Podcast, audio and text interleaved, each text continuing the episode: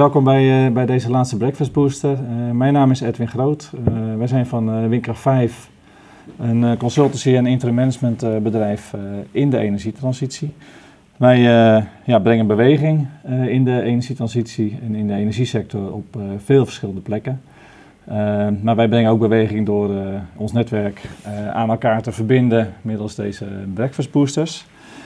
vandaag gaan we dat doen rond het thema congestie in de, in de netten. Uh, de netten zitten, ik zou haast willen zeggen, bomvol. Uh, wij gaan dat uh, doen met uh, David Peters, de CTO van Stedin. En ik had graag willen zeggen met Arno Bonte, de duurzaamheidswethouder van de gemeente Rotterdam. Alleen die is volgens mij enorm zijn best aan het doen om hier op tijd te komen. Dus als hij er is, dan zetten we hem snel aan tafel.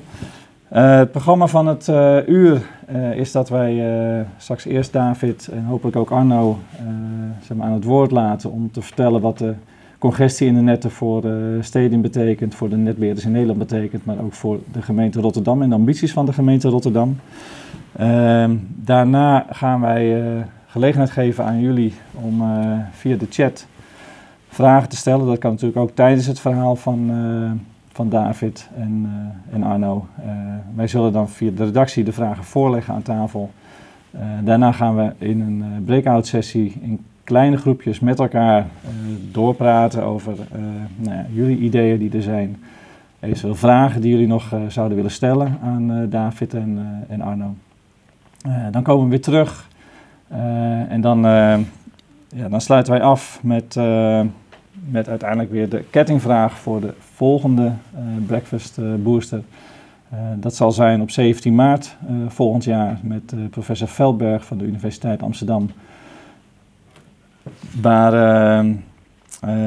waar we het gaan hebben over de invloed van en de rol van data in de energietransitie. Um, eerst even een, een korte vraag. ik stel me even van jou, David. netten zitten vol. Ehm, uh, Arno komt ondertussen komt hij binnen uh, geslopen. Uh, wij gaan dat doen zonder, zonder daar al te veel last van te hebben. David, even kort een vraag. netten zitten vol. En dat nou ja, hoeven wij denk ik niet meer uit te leggen. Dat komt de laatste tijd steeds meer in het nieuws. Tegenwoordig ook twee kaarten, twee congestiekaarten. Zowel voor de invoering op de netten als voor de afname van energie van de netten. Uh, zou je, uh, voordat we naar jouw verhaal gaan luisteren, kort in één zin uh, kunnen aangeven hoe we dat probleem gaan oplossen? Jeetje, het kort in één zin oplossen hoe we netcongestie gaan. ik, ik denk, daar kom ik dadelijk nog op terug. Maar in, als ik het in één zin zou moeten zeggen, is eigenlijk één ding is belangrijk om sneller meer te bouwen. Dus meer infrastructuur te bouwen. Kom, zal ik daar ook meer uitleggen. En het tweede is denk ik slimmer gebruik maken van de huidige infrastructuur.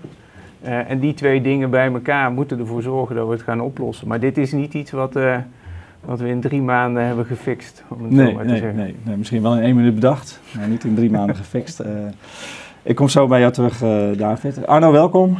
Ehm, wat, wat last gehad van congestie in de stad. Uh, ja, ander soort congestie, maar gelukkig nog net op tijd gelukt. Uh, goed. Ik heb je net al even geïntroduceerd. Arno Bont, uh, duurzaamheidswethouder van de gemeente Rotterdam.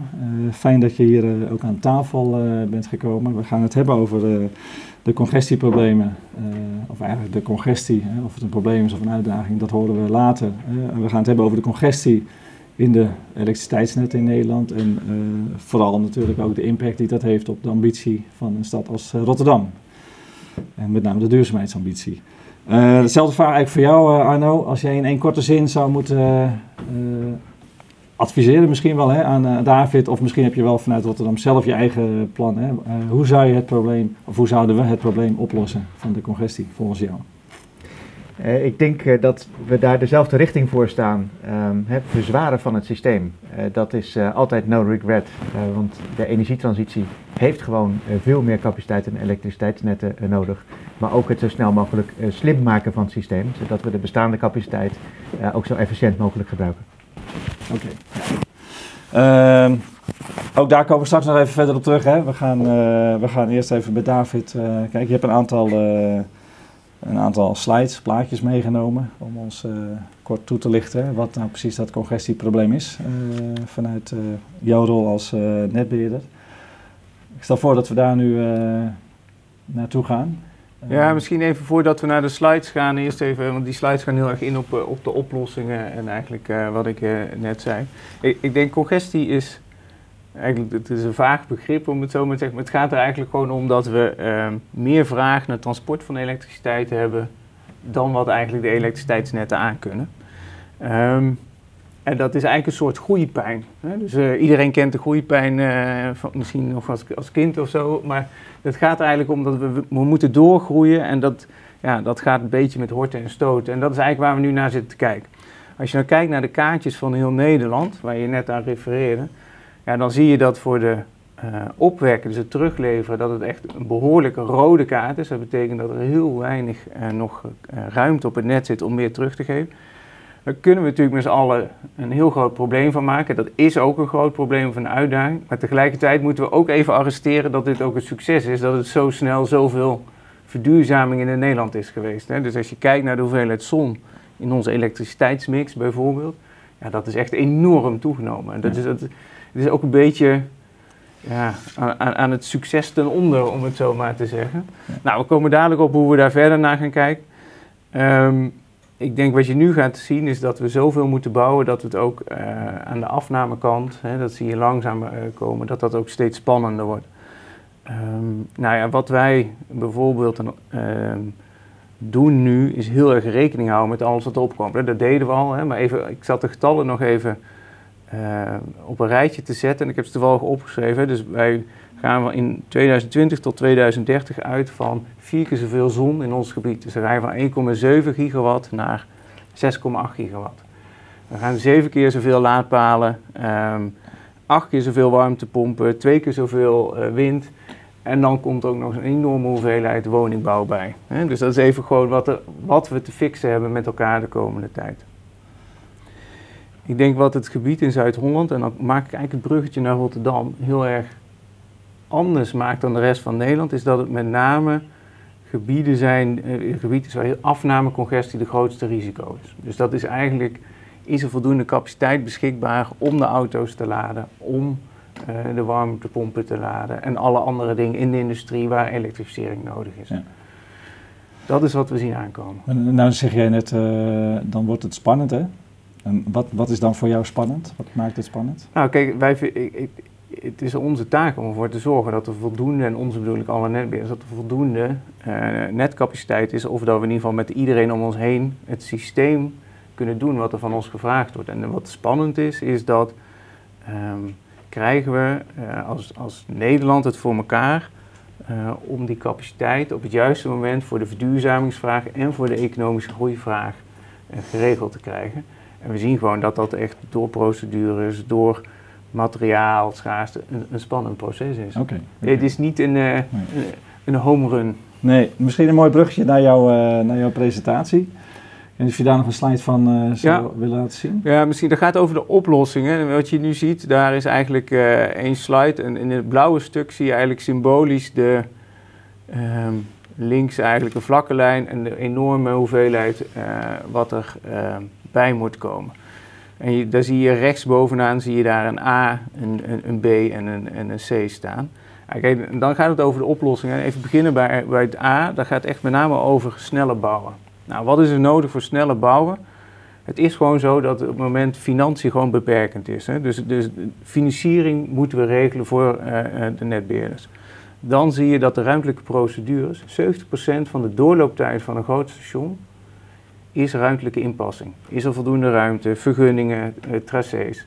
Dus je hoort wel eens twee jaar bouwen, uh, of eh, twee jaar praten, twee jaar bouwen. Als dat zou zijn, gaan we sneller bouwen, gaan we meer bouwen. Uh, tegelijkertijd zullen we dus ook in alle plannen ruimte moeten reserveren al voor de infrastructuur. Dan kom je dus bij de uitdaging dat Nederland best wel een klein land is. Ja. Maar dat is er voor nodig om snel te bouwen en daar zit ook arbeidskracht bij. Dus dit gaat heel veel middelen vragen en mensen.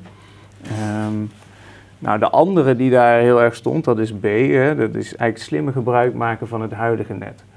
Dus is de, um, uh, ja, in jargon zou je zeggen verslimmen. Hè, daar heeft iedereen een beeld bij. Maar dat, dat gaat eigenlijk om zoveel mogelijk door het bestaande net te krijgen, ge slim gebruik te maken van opslag, En ik wil één feitje daarbij halen. Als je kijkt naar bijvoorbeeld in uh, Rotterdam zijn we bezig met slim laden.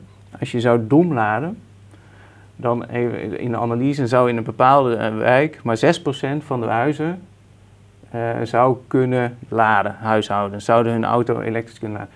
Ga je dat slim doen, dan weet je dat bijna op te rekken naar 300%. Dus dan zouden we de situatie voor elkaar kunnen krijgen dat ieder huishouden drie auto's tegelijkertijd kan laden.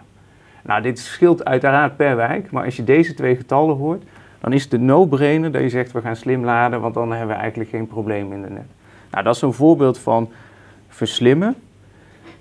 En wat echt, dit is, klinkt logisch, maar de, het gevecht en de weg ernaartoe om dat voor elkaar te krijgen is een hele lange.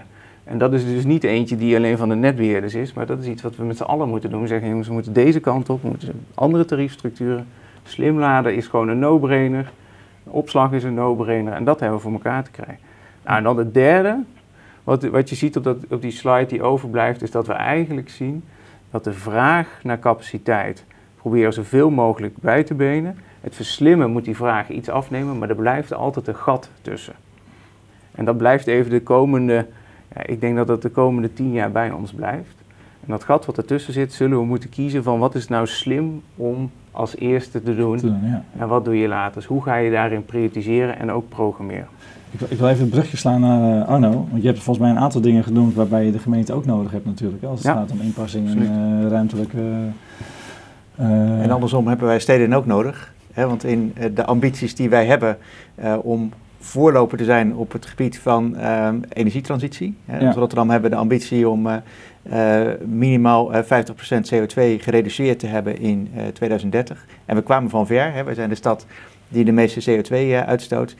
Ja, dan, dan hebben we een netwerkbedrijf als Stedin hard nodig om te zorgen dat en dat elektriciteitsnet zo snel mogelijk wordt uitgebreid en dat we inderdaad ook het slim gebruiken van het netwerk zo snel mogelijk ook maar wat, betek wat, betekent eigenlijk nou wat David net vertelt hè, aan eigenlijk de uitdagingen die jullie hebben als steden? Wat betekent dat nou voor, voor Rotterdam zelf?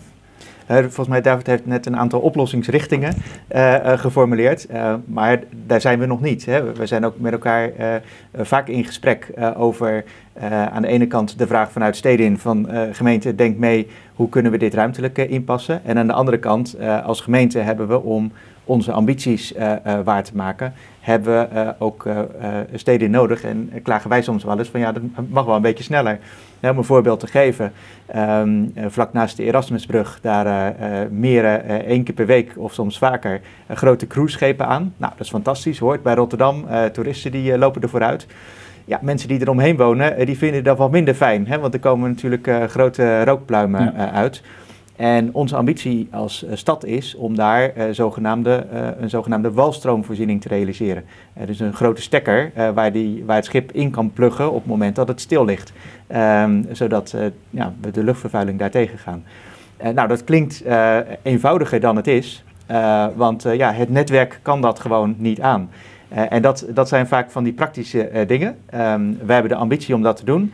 Uh, en Stedin zegt, ja, dat is allemaal mooi en aardig, maar kom eerst maar eens met die concrete vraag en het concrete plan en, en, en hoeveel energie daar nodig is. ja, en voor je het weet ben je die nou misschien niet eens vier jaar, maar nog wel langer verder.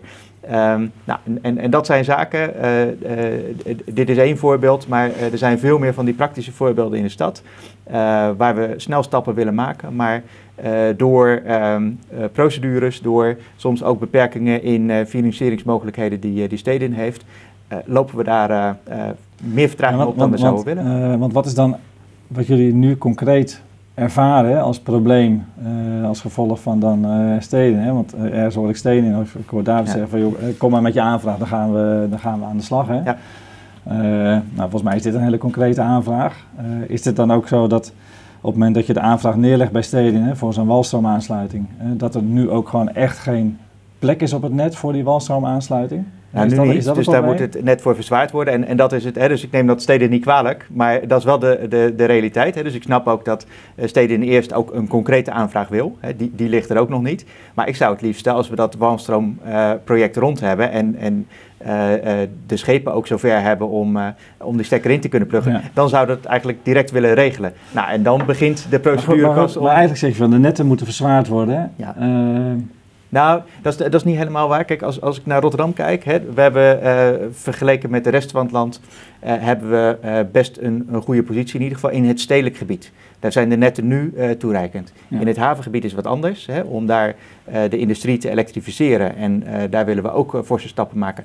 Daar is echt een hele forse verzwaring van het netwerk nodig. Maar in het stedelijk gebied over het algemeen uh, gaat dat met een aantal uh, uitzonderingen. En dat gaat dan om uh, zulke soort grote nee, aansluitingen maar, maar, okay, als, als die Maar, maar waarom, waarom, kan dan die aansluiting in dat havengebied niet verzwaard worden? Kijk, wat, wat, er hier gebeurt is natuurlijk de, de, de, is, is een heel mooi voorbeeld. Omdat de, um, um, we zien dat walstroom gaat komen. Hè? Dat, is, dat is een ambitie en, en de logica daarachter is heel logisch. Maar de aanvraag is er nog niet en we weten ook nog niet precies waar. Als we dus alles proactief uh, zouden investeren van tevoren, dan, dan, was, dan was het geen probleem geweest, om het zo maar te zeggen. Maar, maar, maar zijn, niet... jullie zijn toch de twee personen die nodig zijn om hem nu concreet te maken? Wel, als jij zegt, ik wil daar de walstroomaansluiting, dan ligt die nu toch bij jou? Uh, of, maar als de concrete aanvraag is, gaan we daarmee... Maar zo, zo simpel is hij dus uiteindelijk niet. Want wat maakt hem dan zo ingewikkeld? Nou, kijk, waar komt die precies hè? en hoeveel en wie is uiteindelijk... De gemeente zal waarschijnlijk in dit geval niet de eigenaar zijn van, van het stopcontact. Dus moet iemand anders de aanvraag doen. En wij gaan ermee aan de slag. En dit is, ik denk dat dit de kern is van, of in ieder geval symbolisch is voor een grotere uitdaging. Wij werken eigenlijk gewoon om net op tijd de, aan, de, aanvraag, et cetera, te doen. En ik vind dat wij... Wat is er nou mis in Nederland... Um, als wij nou gewoon net iets te veel investeren, maar het net is toereikend. Maar dat is niet de, de, de prikkel die in het systeem gestopt is de afgelopen jaren. En op het moment, nou de kaartjes zijn zo rood, dat er zoveel arbeidskracht is om dat op te lossen, dat het ook niet zomaar even is dat we zeggen, jongens, we gaan even voor investeren vanaf nu. Daar hebben we te lang, denk ik, in het oude paradigma gezeten. Eh, terwijl eigenlijk als je kijkt, en daar ben ik het helemaal met Arno eens, klein beetje extra investeren wat wij zouden doen om in ieder geval gewoon die beweging te kunnen blijven gaan. Stel nou dat, dat, dat er helemaal geen walstroom zou komen. Stel nou, ik denk het niet, hè, maar stel nou dat dat gebeurt.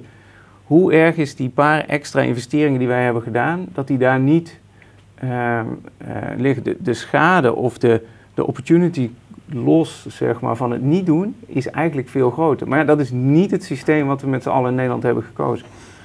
Nee, oké, maar, maar ik beluister tussen, tussen de regels door ook wel dat er ergens nog uh, zeg maar, kennis ontbreekt hè, om vrij snel, adequaat de aanvraag voor een walstroomaansluiting uiteindelijk bij steden neer te leggen. Hè, en, of er dan ja, gebrek aan kennis is hè, van, uh, van wie dan de eigenaar wordt van de aansluiting. Nee, of, volgens mij ligt daar niet. Het, nee. het, probleem ligt exact zoals daar benoemd. Uh, de, de, de, ruimte die ook steden in moeten kunnen hebben. Uh, dus dat is deel ook gewoon. ja, het, het is financiële armkracht. Die is denk ik nog wel op te lossen. Maar het is ook gewoon formeel de wettelijke ruimte om als um, netwerkbedrijf om die voorfinancieringen te kunnen doen. En ik denk dat die er wel zou moeten komen, um, hè, want uh, we weten allemaal welke kant we opgaan. Okay. Uh, en het tempo, nou dat kan je misschien niet helemaal uh, voorspellen, maar in, in Rotterdam nou, uh, willen we in 2030 willen we op uh, 40% van onze daken willen we zonnepanelen hebben liggen. Willen we de uh, meeste auto's willen we geëlektrificeerd hebben. willen we dat de meeste Rotterdammers ook koken op elektriciteit in plaats van op gas. Dus we weten ja. dat er dan ook veel meer capaciteit beschikbaar moet zijn. Uh, nou ja, over Walstroom nog maar niet te spreken, want daar willen we ook uh, in de hele haven uh, willen we minimaal 90% van de schepen aan, aan walstroom gaan, gaan leggen. Ja. Dus dat betekent gewoon um, linksom of rechtsom dat dat elektriciteitsnet uitgebreid moet worden. En dan kan je maar beter in plaats van te wachten tot er een concrete aanvraag ligt, alvast dat net verzwaren. Want die aanvraag komt er vroeger of later toch wel een keer. Uh, en dan heb je wat speling en dan lopen we niet het risico, zoals in de rest van Nederland, ja. uh, dat we in Rotterdam ook een, een, rood gebied krijgen. Nee, maar, en, maar dat is eigenlijk een soort oproep wat je doet aan steden. Van nou, niet zozeer aan steden, meer, misschien meer aan het, aan het nieuwe kabinet. Hè, om dat een, een, een nieuw kabinet die ruimte ook biedt. En kijk, de, de, wetten en de regels zoals die in het verleden zijn gemaakt, uh, zijn denk ik om hele goede redenen gemaakt. Maar we zitten nu in een andere fase. We willen met elkaar uh, die CO2-uitstoot omlaag. Dat betekent investeren in het gebruik van duurzame energie. En dat betekent dus ook een elektriciteitsnet wat, wat ja. daarop voorbereid is. Oké, okay, maar we weten allemaal dat wetgeving natuurlijk nog, nog wat trager werkt, Dan hè, dan moeten we snel eh, beginnen. eh, dan, dan zeg maar de aansluitingen die we nu, eh, nu op, de, op de netten maken. Ehm, even ervan uitgaande hè, dat, dat dit gewoon een proces is waar je hè, als gemeente weinig invloed op hebt, hè, afhankelijk bent van, eh, van landelijke politiek.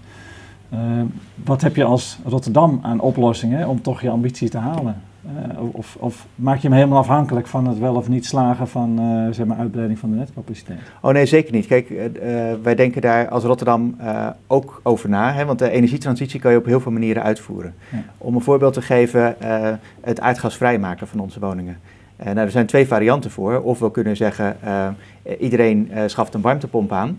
Eh, nou, dat eh, vreet enorm veel eh, elektriciteit. Dus dat zou ook een enorme belasting voor het elektriciteitsnetwerk zijn. Daarom zeggen we in Rotterdam, in eh, wijken en ongeveer 90% van de stad kan dat. Waar er andere alternatieven zijn, zoals het gebruiken van bijvoorbeeld industriële restwarmte, zorgen we dat we investeren in een warmtenet. Dus dat we in een, een duurzame oplossing investeren, die niet ook nog eens een extra druk legt op het elektriciteitsnetwerk. Dus eh, deels doen we dat in de planning.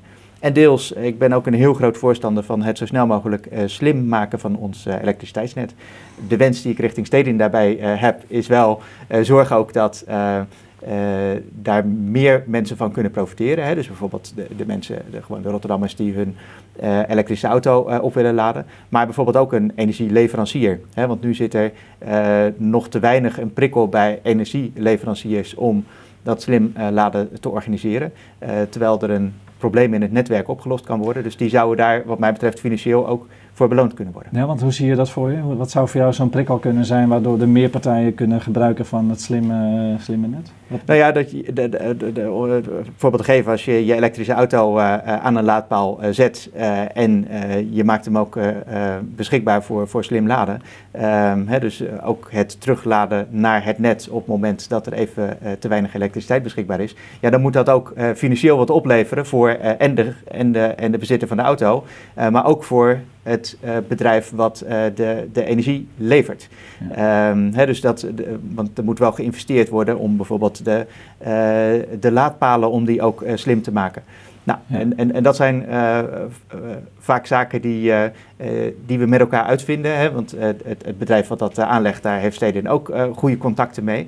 Ehm, we zitten nu nog in een, in een pilotfase, maar ik hoop dat over een aantal jaar dat dit gewoon gemeengoed is. En dat iedereen die daar een bijdrage aan levert, daar uiteindelijk ook financieel van kan profiteren. Ja, nou, nou heb ik zowel bij David als bij jou Arno eh, een aantal keer al gehoord hè, dat je het over investeren hebt. Eh, eh, afhankelijk misschien van een aantal eh, kaders hè, die vanuit de reguleringen moeten worden aangepast. Eh, is er een financieringsprobleem? Ja, dus de, als je kijkt naar de, ehm, ehm, eigenlijk de, dat zie je eigenlijk ook aan het eh, coalitieakkoord. Hè, wat gisteren is, eh, de, de, de infrastructuur is altijd een heel erg voorinvestering, wat je eh, bijvoorbeeld bij een elektriciteitsnet over 40 jaar terugverdient.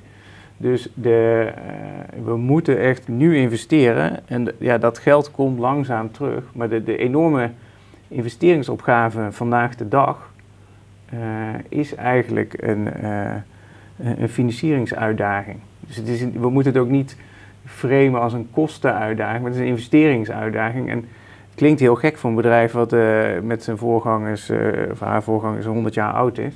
Is eigenlijk precies hetzelfde mechaniek die wij moeten doen als, als bij een eh, start-up. Gewoon iedere keer weer meer investeren, maar de, de, de, de upside komt later. Maar is er dan, want ik weet hè, dat, dat op zich is het redelijk veilige investering. Hè? Investeren in infrastructuur, hè? het is eigenlijk eh waardevast zou je kunnen zeggen. Hè? Het feit dat er nu een financieringsprobleem is, zegt dat dan misschien ook iets over de kredietwaardigheid van de, van de netwerkbedrijven? Nou, Dus kijk, gaat die achteruit? Hè? Of, Het, het gaat om, zeg maar, uiteindelijk, dit gaat dus echt over hoeveel eigen vermogen heb je, waarmee je dus een, enorme leverage op eh, de, de, vreemd vermogen hebt, hè, daardoor, om die investeringsopgave te kunnen doen. Ik denk dat, ehm, ja, nu zijn dus de, het blijft zo dat die cashflows relatief stabiel zijn. Dus in die zin is die kredietwaardigheid, de onderliggende eh, dynamiek verandert niet. Maar wij moeten gewoon in deze... ehm, vind ik als BV Nederland, moeten we gewoon investeren in de infrastructuur. Ja, dan moet je nu investeren en dat, ja, dat vraagt eigen vermogen om dat helemaal mogelijk te maken. En zie, maar zie je daar dan nog een rol voor de gemeente in, als in, het, in, de, in de financiering? Nou ja, we hebben ehm, vorig jaar natuurlijk hebben de gemeentes bijgedragen. Je ziet het bij, bij Alliander heeft het net bekendgemaakt. Ja, dus wij zijn pu in publieke handen, dus daar zit een rol voor publieke aandeelhouders. Ja. Uh, ben je dan niet bang hè, dat hetzelfde hè, wat er met KLM gebeurd is, hè, dat als meer uh, vanuit overheden gaat worden gefinancierd, of misschien wel vanuit de Rijksoverheid, dat er ook meer invloed uh, wordt genomen op de rol van de netbeheerder? Dus dat je feitelijk allerlei voorwaarden mee gaat krijgen als netbeheerder, omdat je steeds meer hè, gefinancierd wordt vanuit, vanuit overheden? Nou, dat waren we natuurlijk al. Hè. Dus, dus we zijn bij, per definitie in de overheidshanden en wij, wij leggen nu ook al verantwoording af op een aandeelhoudersvergadering aan, aan, de regionale overheden. Dus in dit geval ook onder andere de gemeente Rotterdam. Ja. Dus dat speelt daarin mee. Ja. Oké. En er zit ook geen, uh, daar zit niet een andere doelstelling in. Hè? in, in uh, Steden heeft ook een, heeft een publieke doelstelling, uh, namelijk te zorgen dat het net zo goed mogelijk functioneert en die energietransitie ook um, de ruimte geeft. Ja. dus wat dat betreft zit er tussen, in ieder geval tussen de lokale overheid, de lokale overheden en, en steden, zit er ook geen verschil van inzicht. Het is inderdaad de landelijke overheid die ook uh, ja, het uh, letterlijk toe moet staan om die voorinvesteringen te doen. Ja. En uh, ja, ik zou het ook niet erg vinden als er vanuit de. Hè, er komt nu een heel groot klimaatfonds. Als een deel daarvan ook beschikbaar komt om juist te investeren ja. in de energieinfrastructuur. En dat gaat niet alleen over elektriciteit, maar bijvoorbeeld ook over waterstofnetwerken. Oké, ik moet hem helaas afbreken, want we hebben natuurlijk ook nog wat andere dingen op het programma staan. Wij hebben een kettingvraag van de vorige gast, Ger Baron, wethouder van Amsterdam. waarschijnlijk bij jou bekend, Arno. Ger heeft eigenlijk gesteld, het is meer een hypothese, van, stel nou hè, dat je voorlopig even moet accepteren dat je geen capaciteit meer kunt claimen van het net van steden. Ik richt hem een klein beetje aan jou, Arno. Ehm, wat zou dan jouw strategie vanuit Rotterdam zijn? dus als je eigenlijk nu voor jezelf uh, met oplossingen moet komen en niet zeg maar, even je walstroom zomaar kunt inpluggen op het net van, uh, van steden. Ja, het is een beetje een hypothetische vraag, want ik zou dat eigenlijk niet willen accepteren. Hè. Volgens mij moeten we daar alles met elkaar in ja. het werk stellen om dat netwerk uh, uit te breiden. Uh, maar wat we sowieso moeten doen, hè, dus in een situatie van, van, van schaarste, maar uh, uh, überhaupt, is het met elkaar zo snel mogelijk slim maken van het netwerk. En dat is in stedelijk gebied eigenlijk ook gewoon een kans. Hè. Dus we hebben uh, uh, heel veel um, elektrische auto's die straks ja. aan, aan de stekker staan. We gaan ook heel veel elektriciteit opwekken. dus om die twee met elkaar goed te laten corresponderen en daarmee ook okay. het netwerk wat we hebben zo, zo efficiënt mogelijk te gebruiken. Ik denk dat we dat sowieso moeten oppakken. Ja, dus eigenlijk even los van de capaciteitsbeperking zeg je, dan gaan wij inzetten op een slimmer net. Ja. daarmee, ik wil even een aantal vragen uit de chat wil ik uh, jullie voorleggen. Ik pak ze maar gewoon even letterlijk zoals ze door de redactie zijn doorgegeven. Uh, voor hoogspanningsstations is het krijgen van planologische goedkeuring de veroorzaker van lange doorlooptijd. Is de gemeente nog in staat om goedkeuringstrajecten te verkorten? nou, we, we, doen er al alles aan om dat zo kort mogelijk te doen. Um, maar waar dat kan, hè, dus waar, waar, we daar ook nog ruimte kunnen winnen, uh, doen we dat. Uh, wat ik niet wil, hè, want ruimtelijke ordening is ook zorgvuldig met je inwoners omgaan en met belangen omgaan. dus er zit ook gewoon zorgvuldige en goede participatie bij. En daar wil ik niet op inboeten. Oké, okay, oké. Okay. Dus de participatie is voor jou wel een belangrijke randvoorwaarde? Nou, dat is, dat is absoluut een belangrijke randvoorwaarde. En voor het overige in het proces, hè, waar we tijd kunnen winnen, doen we dat. Um, en waar we dat nog meer kunnen doen, zetten we daar actief op in. Oké. Okay. Volgende vraag. Het introduceren van een capaciteitstarief. Uh, met een prikkel, is dat niet een oplossing om het collectief te helpen? Ja, de, de, de, deze vraag zou ik eerst even wat meer verduidelijking vragen wat hier precies bedoeld wordt. Hè. Natuurlijk met capaciteitstarief, maar dat werkt niet zo goed in deze uh, setting. Want in principe hebben we natuurlijk een capaciteitstarief. Ik denk dat dit over een andere soort capaciteitstarief gaat. Maar, ik ben, dat, dat zei Arno net ook, andere prikkels, andere tarivering, die eigenlijk stimuleert om slimmer om te gaan met je net. Dat is hoe dan ook nood, noodzakelijk. Dus ik denk dat we verplicht zijn om naar ons tariefstelsel te kijken. Hoe we die prikkels zo goed mogelijk kunnen inrichten om eigenlijk zoveel mogelijk uit dat net te persen. Ja, oké. Eh, over dat net gesproken is de volgende vraag. eh, dat gaat over de investeringen die de netbeheerders moeten maken. Ehm, en dan gaan we hierna gaan we ook naar de, de breakout.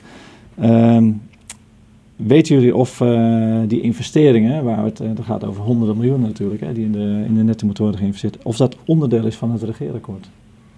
We hebben wel een miljarden gezien, hè? ik heb zelf niet uh, de optelsom ge, gezien, hè? maar weet je dat? Of daar ruimte is voor dit soort investeringen? Ja, de, um, ik, ik, moet eerlijk zeggen dat ik uh, nog niet het helemaal de hoed en de rand heb gelezen. Maar, maar de, dit is ongetwijfeld de paragraaf die je als eerste hebt opgezocht. Ja, ja, er staat heel duidelijk in dat we de energieinfrastructuur gaan versterken. Dus ik denk dat dat uh, erbij staat. Wat wel een observatie is, en dat had ik ook al bij de bespreking van de miljoenennota. Er wordt heel veel gesproken over um, uh, waterstof, over warmte, et cetera. En ik vind wel dat we echt eigenlijk die elektriciteit, die elektrificering is echt de backbone van onze energietransitie. En die mag daar wel wat vaker naar voren komen. En, en alle twee, dus al die andere energiedragers zijn ook belangrijk. Ja. Maar ik denk dat de, uiteindelijk hebben we heel veel duurzame opwek nodig. En daar hebben we ook voor een groot deel de elektriciteitskant nodig. Ik denk dat het, uh, zo, wat ik ervan heb gelezen en wat ik inderdaad als eerste heb opgezocht, dat het erin staat. Maar ik heb het nog niet zo zwart-wit uh, bevestigd gekregen. Oké, okay, maar uh, er staat iets over in. Ja, dat, nee, dat is, en dat is voor het eerst, dus dat, dat is, okay, wel goed. Dus dat is winst, met, met dan nog een paar kerncentrales als bonus erbij. Dan kun je ook een, een ontbijtsessie aan mij. Daar gaan we de volgende keer misschien over hebben. we gaan door naar de, de breakout sessie.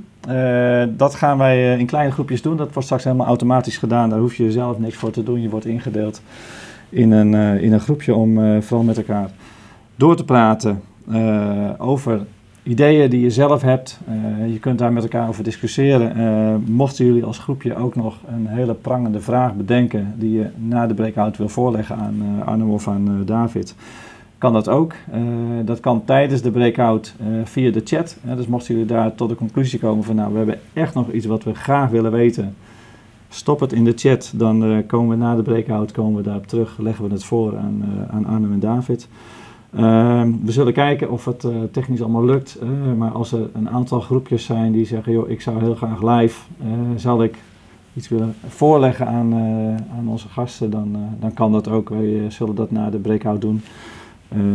Steek dan even je hand op binnen, binnen je Zoom-kader en dan proberen wij jou erin te schakelen. Dus wat mij betreft kunnen wij nu door naar de breakout en dan zijn wij over uh, 15 minuten, zijn wij, sorry, over 10 minuten zijn wij hier weer terug.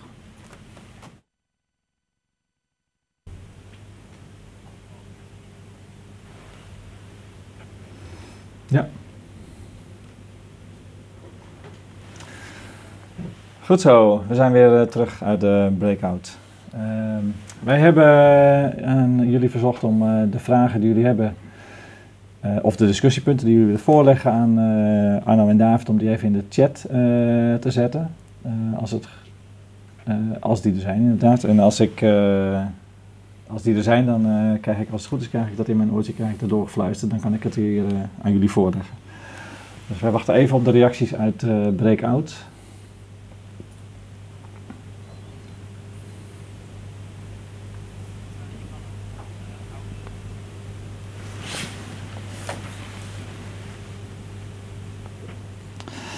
Ik heb één uh, vraag die ik uh, uh, graag zou willen voorleggen aan David, maar misschien ook wel voor de gemeente Rotterdam. Hoe, kijk, hoe kijken jullie aan tegen lokale initiatieven om zelf opgewekte energie te delen? Dus eerst even vanuit de netbeheerder. Ja, ik, ik denk twee dingen. Dus het eerste is, dit soort initiatieven zijn super belangrijk om eigenlijk de, de bredere beweging die we willen maken gaande te houden en daar ja, draagvlak voor te krijgen. Dus ik vind dat heel erg belangrijk. En het tweede is dat um, uh, eigenlijk als je alles wat je lokaal weet op te lossen, hoeft niet net op. In de zin van hoeft niet de hoogspanningsnet op, et cetera. En dat is toch een van de, de oplossingsmogelijkheden die we zo goed mogelijk uh, voor elkaar moeten krijgen. Ja. Wat vaak hierachter zit, is dat je zeg maar ehm, dat mensen eigenlijk niet via het net willen, want dan moeten ze belasting betalen en dat soort dingen. En dat is wat ingewikkelder. Maar in principe zou de prikkel zo moeten zijn dat alles wat je lokaal weet te gebruiken, dat, ja, dat hoeft niet, niet het hoogspanningsnet op, dus dat is winst. Is dat voor jullie belangrijk genoeg om daar ook echt prikkels op te geven? Kijk ook even naar de gemeente.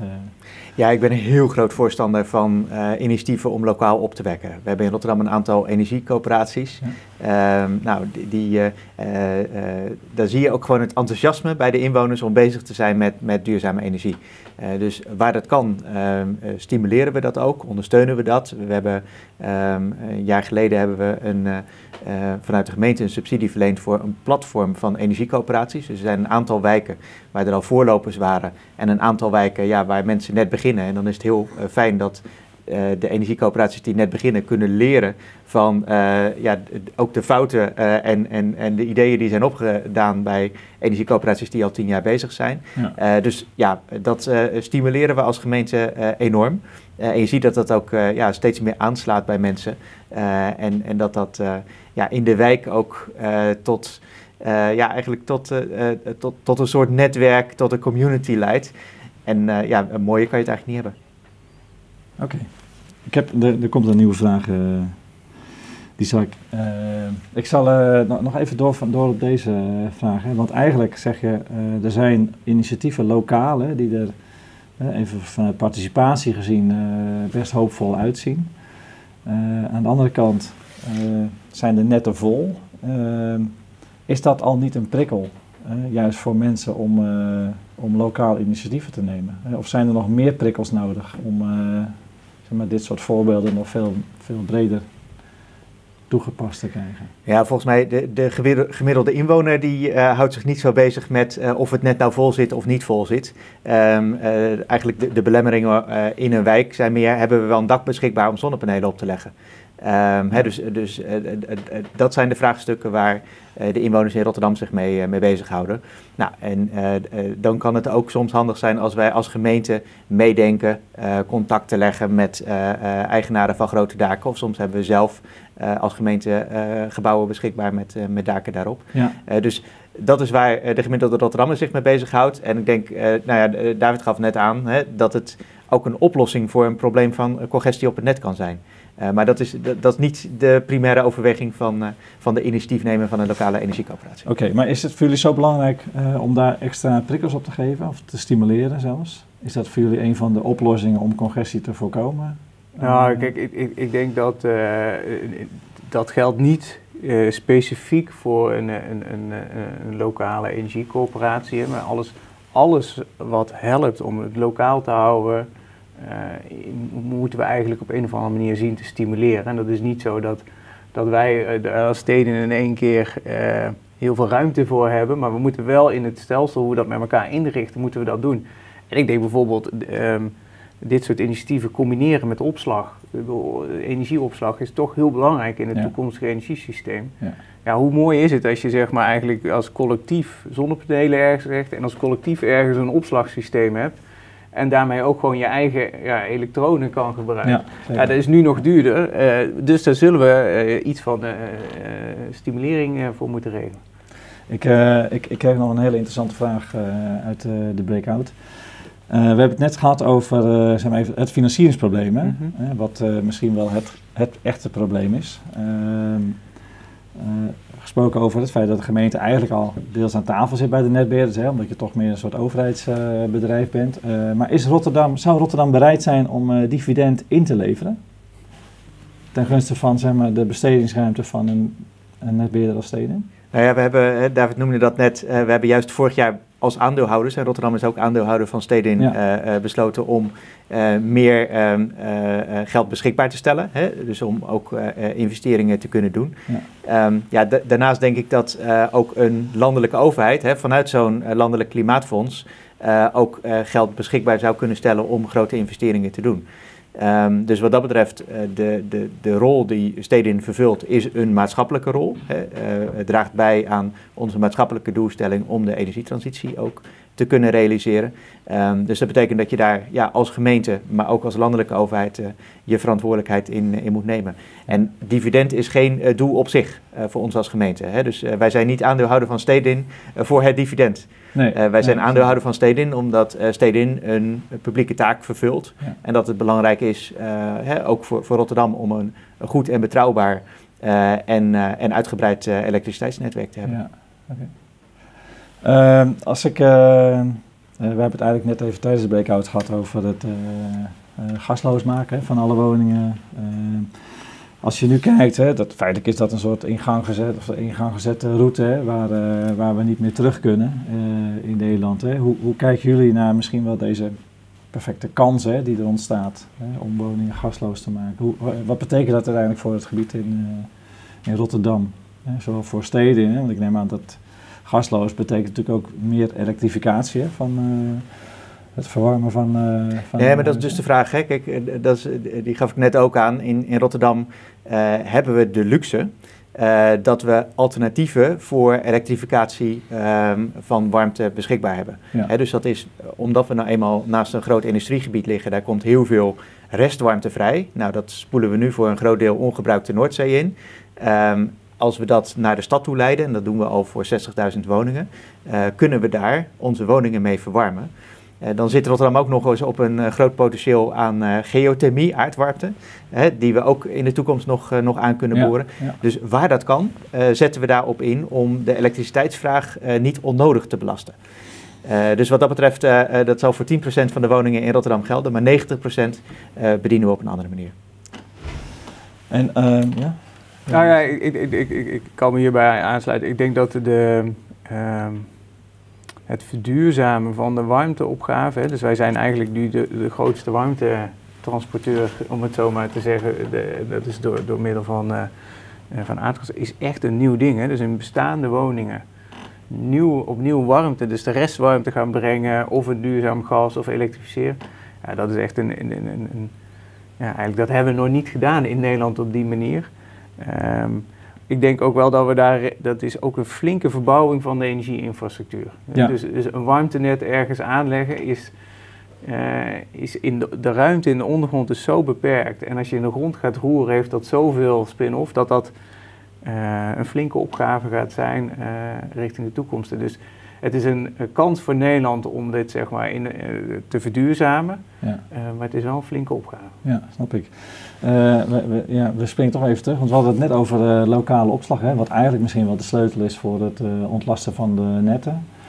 Ehm, uit een van de breakout groepjes komt de opmerking dat de energieopslag nog niet mag, conform de wetgeving. En dan noemen ze een MLOEA. Ik ken het niet, misschien, misschien jullie wel. maar hoe hoe zou je dat, ja je moet erom lachen, maar wat, wat maakt dat je, dus ergens lijkt dit misschien wel het, de oplossing, hè? lokaal opslag en de wetgeving zegt dat het niet mag. Ja, volgens mij wordt er gerefereerd aan meerdere leveranciers op één aansluiting. Exact. Ja. Um, kijk, ik denk even, op afstand gezien, alle onze analyses laten zien dat er enorme hoeveelheid opslag nodig is om eigenlijk dat energiesysteem van de toekomst draaiende te krijgen. Ja. Um, tegelijkertijd is het best wel uh, boeiend dat je ziet dat het eigenlijk nog niet uit kan. En dat heeft deels te maken met gewoon de business case op het moment. En aan de andere kant uh, uh, wetgeving en hoe tarieven en dat soort dingen zijn geregeld. Ja. Um, Meloa is daar een aspect van, maar er zijn veel meer, uiteindelijk dat, moeten we dat veel meer aan knoppen gaan draaien om dit voor elkaar te krijgen. En Meloa is er één, ja. maar niet de enige. Nee, nee, nee. Nou, en zo kunnen wij hier ook nog wel denk ik, uren doorgaan uh, over alles wat er nog aan randvoorwaarden ontbreekt hè, om die energietransitie uh, een, een, goede zet te kunnen geven. Wij moeten helaas afronden, we zijn, we zijn bijna aan het einde van deze sessie. Ehm, maar niet zonder dat wij een kettingvraag hebben voor de volgende Breakfast Booster. dat gaan wij, zoals ik in het begin al zei, doen met, met twee hoogleraren. Professor Veldberg van de Universiteit Amsterdam En uh, professor Boksteen gaat over de rol van data in de energietransitie. welke vraag zouden jullie daar willen stellen aan? ik ga even vanuit deze zeer slimme mensen. Nou, wat ik wel een interessante zou, zou vinden, ehm, is hoe kunnen we big data gebruiken om ons energiesysteem ook te plannen. Um, wij doen dat in Rotterdam, waar het gaat tegenwoordig waar het gaat om plaatsen van laadpalen voor elektrische auto's. Uh, in het verleden wachten we altijd eerst tot er een aanvraag kwam en dan gingen we er een plaatsen. Ja. Uh, tegenwoordig uh, doen we dat data gestuurd. Dus eigenlijk op basis van data-analyses voorspellen we al waar iemand een elektrische auto gaat aanschaffen. Okay. dus we zorgen eigenlijk dat de paal er al staat voordat überhaupt de aanvraag gedaan hoeft te worden. Nou, hoe kunnen we het gebruik van big data Um, he, uh, en dat is veel complexer nog dan uh, waar gaat een elektrische auto aangeschaft worden. Maar uh, waar gaan zonnepanelen neergelegd worden? Okay. Waar komt er een windpark? waar komt er een walstroomvoorziening? He, dus hoe kan je die data op een slimme manier analyseren om de slimme keuzes ja. te maken ehm, waar we dat elektriciteitsnetwerk gaan verzwaren en waar we dus prioriteit geven. Oké. Okay. Wij zijn, uh, ja, ik, we zijn eigenlijk uit de tijd. Heel kort, uh, heb jij nog een, uh, een, aanvulling op deze vraag? Voor, ja, ik, ik, ik, zou eigenlijk, ik ben heel benieuwd naar hun beeld op artificial intelligence. Dat is eigenlijk echt de, de toekomst. Ja. Dus er wordt heel veel over gesproken. Maar hoe kunnen we dat nou versnellen en opschalen? Zodat we het ook in kunnen zetten in voorbeelden zoals okay, ja. Arno net. Helder. Interessante vragen. Wij gaan ze meenemen naar de volgende keer. De volgende keer, dat is uh, eh, 17 maart. S ochtends weer om half negen tot half tien. Zorg dat je klaar zit met een lekkere kop koffie en, een, en misschien een gebakje erbij. bedankt weer voor, voor jullie aanwezigheid. bedankt Arno, bedankt David voor jullie interessante inbreng. En rest mij jullie nog fijne feestdagen te wensen. En hopelijk tot de volgende Breakfast Booster.